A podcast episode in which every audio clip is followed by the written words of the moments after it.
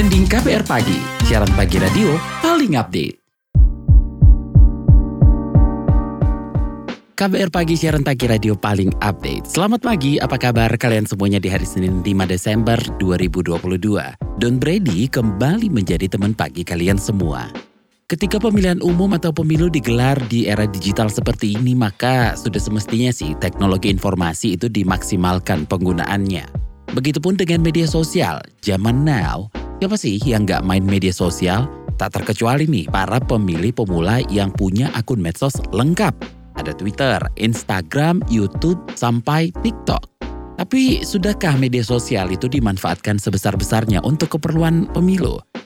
Nah, melansir laman Kementerian Komunikasi dan Informatika, media sosial menjadi sarana paling efektif untuk menyalurkan pendapat warganet. Kampanye dengan menggunakan media sosial juga dinilai jauh lebih efektif dan efisien menyasar kaum menengah ke atas dibandingkan dengan melakukan kampanye konvensional yaitu menggunakan atribut partai politik dan berorasi di ruangan terbuka. Tapi nih dengan bermodalkan gawai dan koneksi internet banyak juga penyebaran informasi yang belum terkonfirmasi kebenarannya atau hoax. Ada juga fenomena soal buzzer atau relawan yang menjamur di media sosial.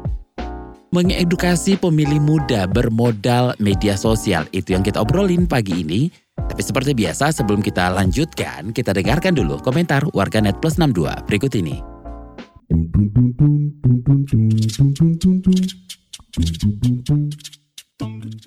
Pertama ke Ed Alan XX, pengawas pemilu perlu mendukung medsos sebagai alat penyampaian informasi. Kami selaku pengawas pemilu yang diberi amanah mengharapkan akun medsos digunakan untuk menyebarluaskan informasi dan konten positif sehingga informasi pemilu efektif dan bermanfaat. Ed Anto underscore XX, tapi kenapa masih ada aja narasi-narasi cebong kadrun di medsos? Malahan menjelang pemilu 2024 bisa sama makin tajam seperti pemilu dua kali dalam 10 tahun terakhir terakhir masuk kalau tidak ada tindakan percuma Pak. Kecuali masuk tapi langsung menindak yang selama ini buat resah dengan narasi perpecahan itu baru mencegah. At Juki XX Medan tempur pemilu 2024 ada di TikTok. Karena di sana banyak pemilih pemula yang awal soal politik. Banyak loh anak TikTok yang jadiin konten TikTok pedoman hidup.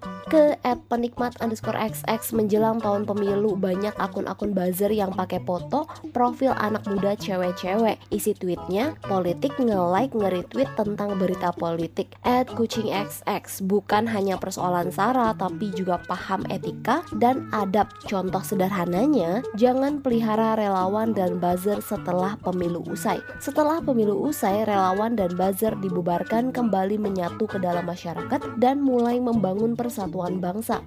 Yang terakhir at Dirnuna XX, sisi gelap polarisasi di medsos sejak pemilu 2014, we never really gotten over it sadly.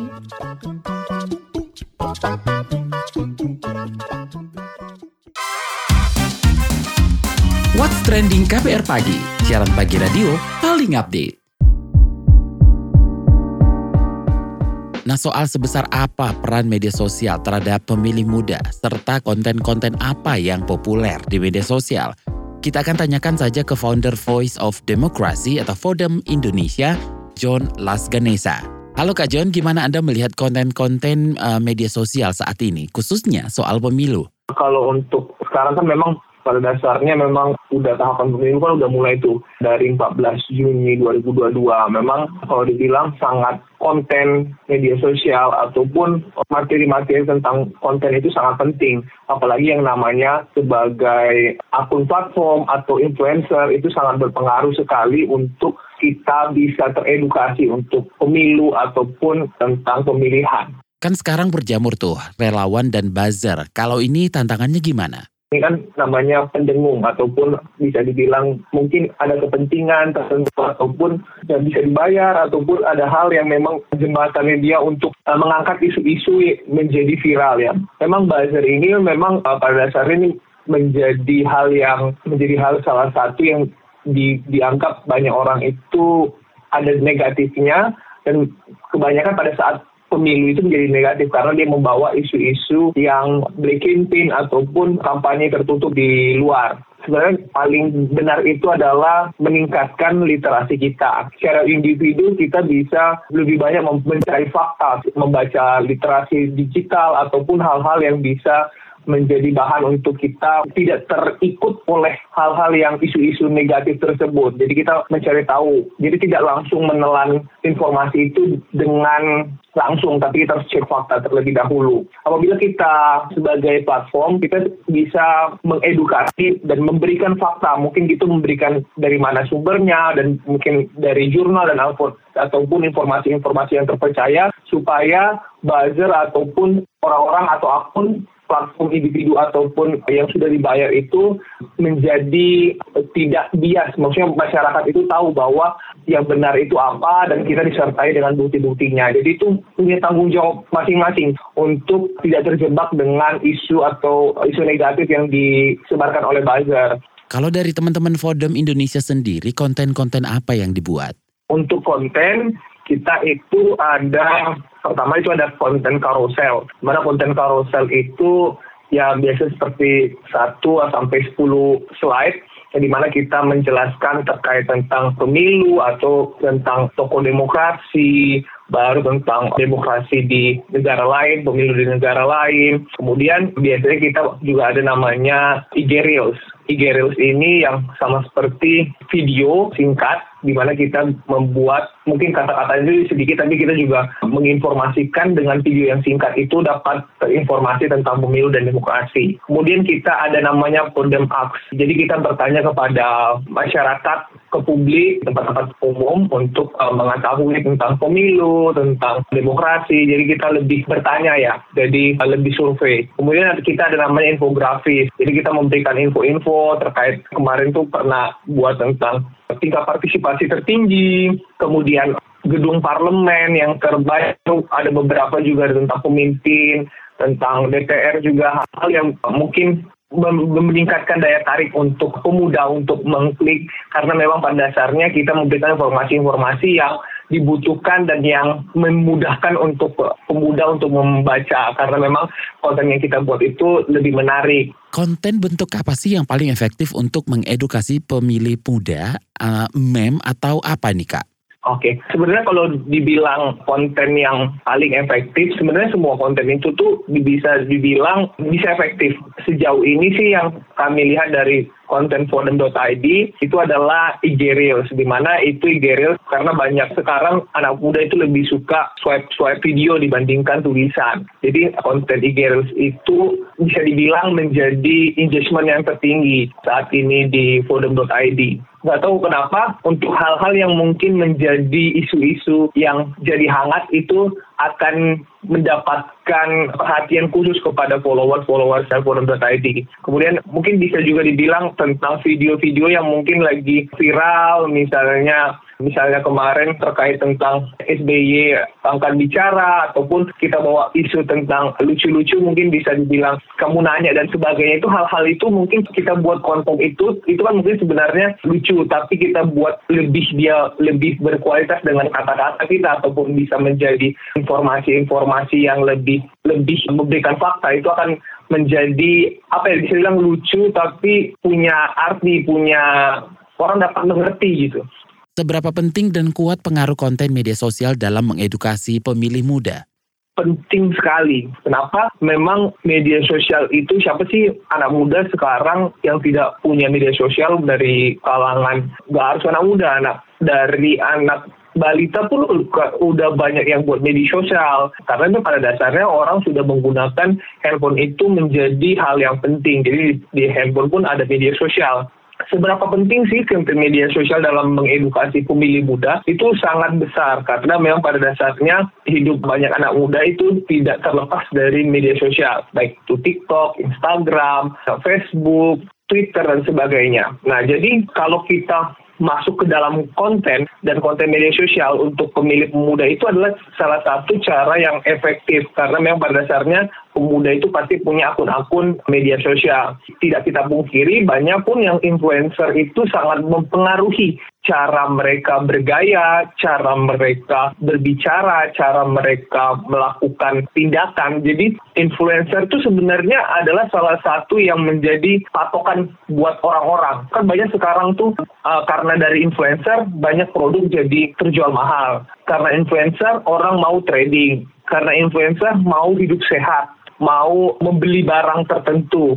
Nah, jadi ketika kita membuat konten media sosial dan memang kita punya hal terkait tentang pemilu, banyak membuat mudah orang untuk membaca dan orang untuk mengerti, itu menjadi salah satu nilai plus untuk mengedukasi pemilih muda.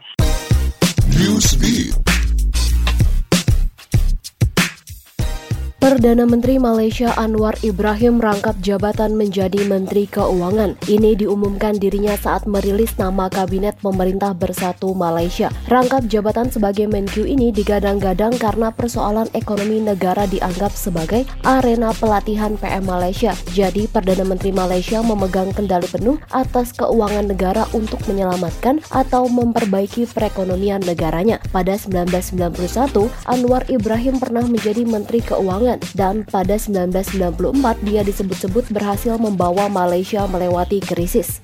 Amerika Serikat peringatkan Tiongkok terkait demonstrasi penghentian penguncian wilayah. Melansir AFP, Senator Amerika Serikat mengirim surat peringatan kepada Duta Besar Tiongkok di Washington. Mereka menyinggung adanya penindasan terhadap demonstran dan meminta pemerintah Tiongkok tidak menggunakan kekerasan dalam menghadapi gelombang protes tersebut. Tak hanya peringatan dari para senator, Presiden Amerika Serikat juga menyampaikan permintaan kepada Tiongkok untuk menghadapi para pendemo secara hati-hati dan damai. Menurutnya, setiap orang memiliki hak untuk menyampaikan pendapatnya.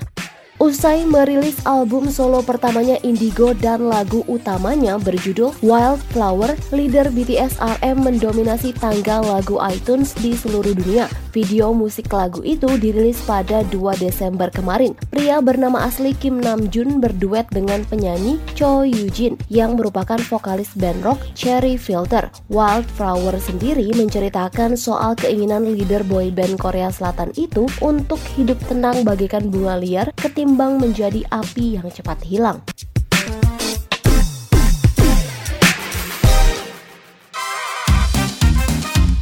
What's Trending KPR Pagi, siaran pagi radio paling update.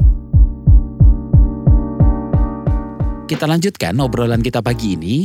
Nah sekarang terkait penyebaran konten pemilu di media sosial. Kita obrolkan bareng peneliti Perkumpulan untuk Pemilu dan Demokrasi, Perludem, Amalia Salabi. Kak Amalia, bagaimana Anda melihat uh, tren penggunaan media sosial jelang pemilu 2024? Topik-topik apa yang populer? Penggunaan media sosial di Indonesia hari ini kan sangat tinggi. Kalau kita lihat datanya We Are Social, pengguna internet di Indonesia itu mencapai angka 202,6 juta atau 73,7 persen dari total populasi. Ada 170 juta orang atau 61,8 persen pengguna yang aktif menggunakan media sosial. Itu angka yang sangat tinggi walaupun memang masih ada orang-orang yang belum tersambung dengan internet. Sebenarnya KPU dan Bawaslu ya itu sudah memanfaatkan semua platform media sosial ya kecuali Bawaslu RI yang belum menyasar TikTok. Kalau KPU RI sudah punya TikTok walaupun memang kelihatannya masih sulit gitu memadukan konten hiburan dengan pendidikan pemilu. Yang saya lihat konten itu sedikit sekali memberikan informasi pemilu padahal effort yang dilakukan itu sebetulnya cukup niat gitu. Mereka sewa pakaian adat untuk ngasih tahu kepanjangan dari istilah-istilah pemilu, mereka latihan gerakan dance gitu ya, hanya untuk ngasih tahu gimana caranya pemilih melapor kalau NIK-nya itu dicatut oleh partai politik sebagai anggota partai dan sebagainya. Nah, tapi memang upaya-upaya ini perlu juga diapresiasi karena mungkin ada pemilih muda yang memang suka menikmati konten edukasi berbalut hiburan seperti itu. Nah, secara umum, memang kalau kita lihat um, konten KPU Bawaslu di media sosial mereka, kecuali TikTok ya, um, kontennya itu lebih pada menginfokan acara-acara yang mereka selenggarakan gitu tanpa memberikan edukasi yang cukup. Padahal publik perlu dibantu dengan adanya misalnya data yang diolah menjadi informasi yang mudah untuk dikonsumsi. KPU itu juga punya podcast untuk edukasi di YouTube. Nah, program ini yang menurut saya seharusnya bisa di-highlight oleh KPU gitu. Hasil pembicaraan yang ada di podcast itu harusnya bisa diolah juga untuk menjadi konten edukasi yang menarik untuk di-share di platform lainnya. Jadi, edukasi untuk meningkatkan literasi pemilu ini penting. Di pemilu 2019 ada gap informasi yang sangat jauh antara informasi yang kredibel dengan disinformasi. Maka di 2024 harus ada upaya literasi pemilu yang dilakukan secara lebih serius, lebih beragam, dan melibatkan banyak pihak, termasuk partai politik. Bisa nggak sih konten di media sosial ini dijadikan sarana edukasi bagi pemilih muda? Sebetulnya sangat-sangat bisa ya, seperti yang tadi saya singgung, bahwa media sosial itu juga digunakan oleh masyarakat untuk mengakses konten edukasi dan informasi. Perludem misalnya, kami punya dua YouTube. Ada YouTube Perludem, ada juga YouTube Rumah Pemilu. Nah, kontennya itu ada rekaman diskusi publik, ada juga hasil kajian dari teman-teman peneliti Perludem. Nah, konten itu ternyata cukup banyak dicari oleh penyelenggara pemilu di daerah, teman-teman media, juga mahasiswa politik, tata kelola pemilu, dan hukum tata negara. Bahkan juga pemilih muda sebetulnya. Konten rumah pemilu yang mengedukasi bagaimana tata cara pemungutan dan penghitungan suara di pemilu itu ditonton oleh lebih dari 53 ribu orang. Jadi media sosial sangat bisa menjadi sarana edukasi bagi pemilih muda. Tapi yang harus diingat, masing-masing platform media sosial itu kan punya karakteristik yang berbeda ya. Kalau di YouTube biasanya konten-konten edukasi yang lebih mendalam karena durasinya biasanya panjang. Nah, tapi untuk pendengar itu tidak bosan, bisa disiasati dengan metode storytelling yang menarik. Karena dengan storytelling biasanya orang-orang bisa mendengar sambil uh, dia mengerjakan hal yang lain. Kita juga bisa meng-highlight informasi-informasi singkat mengenai pemilu di video pendek TikTok, reels di Instagram, juga shorts di YouTube. Misalnya kalau di video pendek itu kata-kata seperti lima hal yang bisa dipersiapkan oleh pemilih jelang pemungutan suara atau tiga hal kenapa orang muda harus berpartisipasi di pemilu gitu. Itu bisa jadi konten-konten di video pendek. Konten seperti apa yang dibutuhkan masyarakat di Indonesia sendiri terkait pemilu? Apakah konten sara dan politik identitas masih jadi tantangan? Kita harus berpegang pada prinsip bahwa pemilu bukan cuma soal kontestasi. Ada empat dimensi pemilu yang baiknya bisa dipahami oleh publik. Ada dimensi aktor pemilu, ada partai politik, KPU, Bawaslu, pemantau pemilu, juga pemilih itu sendiri. Kemudian ada hukum pemilu. Nah, ini yang biasanya dilupakan gitu. Apa saja sih sebetulnya yang termasuk pelanggaran pemilu? Money politics itu termasuk pelanggaran pemilu atau bukan? Sanksinya apa? Kalau masyarakat menemukan pelanggaran itu, mereka lapornya ke mana? Lalu ada juga manajemen pemilu. Ini yang harus disampaikan juga kepada publik agar publik tidak tidak misinformasi gitu terkait um, proses pemilu kita. Misalnya bagaimana sih proses KPU mendata pemilih, bagaimana KPU mengatur logistik pemungutan suara.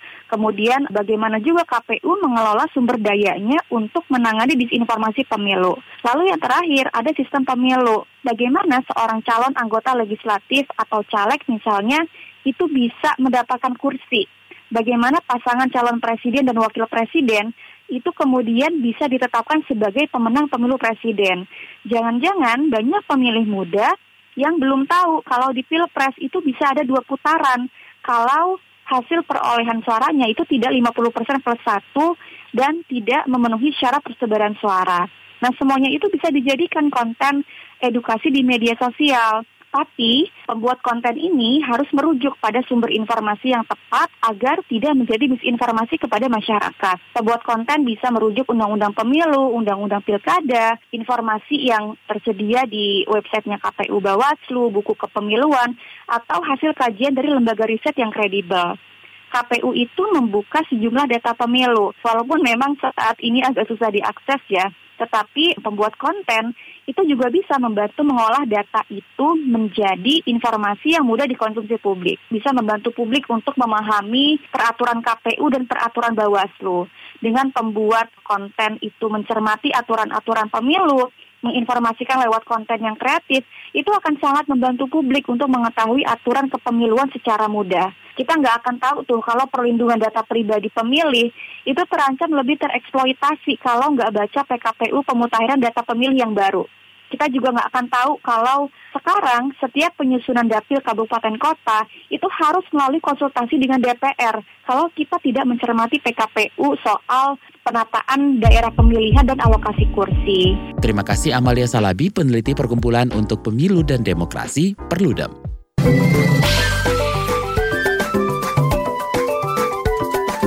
WhatsApp Indonesia. WhatsApp Indonesia dimulai dari Sumatera. Kementerian Pemberdayaan Perempuan dan Perlindungan Anak Kemen PPPA mengawal kasus dugaan pemerkosaan terhadap anak berusia 17 tahun di Labuhan Batu Utara, Sumatera Utara yang berakhir dengan pernikahan antar korban dan pelaku. Deputi Perlindungan Khusus Anak Kemen PPPA Nahar menegaskan penanganan kasus ini seharusnya lebih mengedepankan penyelesaian perkara secara hukum mengingat korban masih berusia anak dan terlebih lagi kasusnya merupakan dugaan pemerkosaan. Nahar mengatakan pihaknya akan terus mendorong penegakan hukum dan keadilan bagi korban. Nahar menyampaikan bahwa Kemen PPPA melalui tim Sapa 129 telah melakukan koordinasi dengan unit pelaksana teknis daerah perlindungan perempuan dan anak UPTD PPA Provinsi Sumatera Utara. Selanjutnya menuju Jakarta, Menteri Koordinator Bidang Perekonomian Menko Perekonomian Erlangga Hartarto menyebut upah pekerja sudah saatnya mengalami kenaikan. Menurutnya, kenaikan upah minimum provinsi, menurutnya kenaikan upah minimum provinsi UMP merupakan hal yang wajar usai gejolak ekonomi akibat pandemi COVID-19.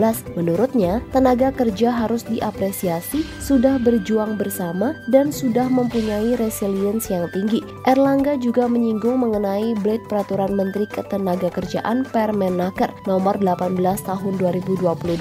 Permenaker itu mengatur kenaikan upah minimum maksimal 10%. Formula penghitungan upah minimum 2023 melibatkan komponen inflasi pertumbuhan ekonomi dan kontribusi tenaga kerja terhadap pertumbuhan ekonomi. Erlangga berharap para pengusaha menerima keputusan tersebut. Masih dari Jakarta, pembangkit listrik tenaga surya PLTS atap mulai banyak diminati kelompok rumah tangga. Menurut data Kementerian Energi dan Sumber Daya Mineral (ESDM) hingga Oktober 2022, jumlah pengguna PLTS atap mencapai lebih dari 6.000 dengan kapasitas lebih dari 70 MW. Direktur Aneka Energi Baru dan Energi Terbarukan di Kementerian ESDM mengatakan dari jumlah itu 74,7 persen adalah pelanggan golongan tarif rumah tangga. Target Kementerian ESDM pada tahun 2025 pada pemasangan PLTS atap adalah 3,6 gigawatt. Sebelumnya, PLTN membatasi pemasangan PLTS atap hanya 15% dari kapasitas. Padahal peraturan Menteri ESDM nomor 20 tahun 2021 memperbolehkan pemasangan daya hingga 100% bagi rumah tangga dan industri. Demikian WhatsApp Indonesia hari ini. Terima kasih sudah mendengarkan What's Trending. Jangan lupa like, share, dan follow podcast What's Trending. Don Brady pamit, besok kita ketemu lagi. Stay safe, bye-bye.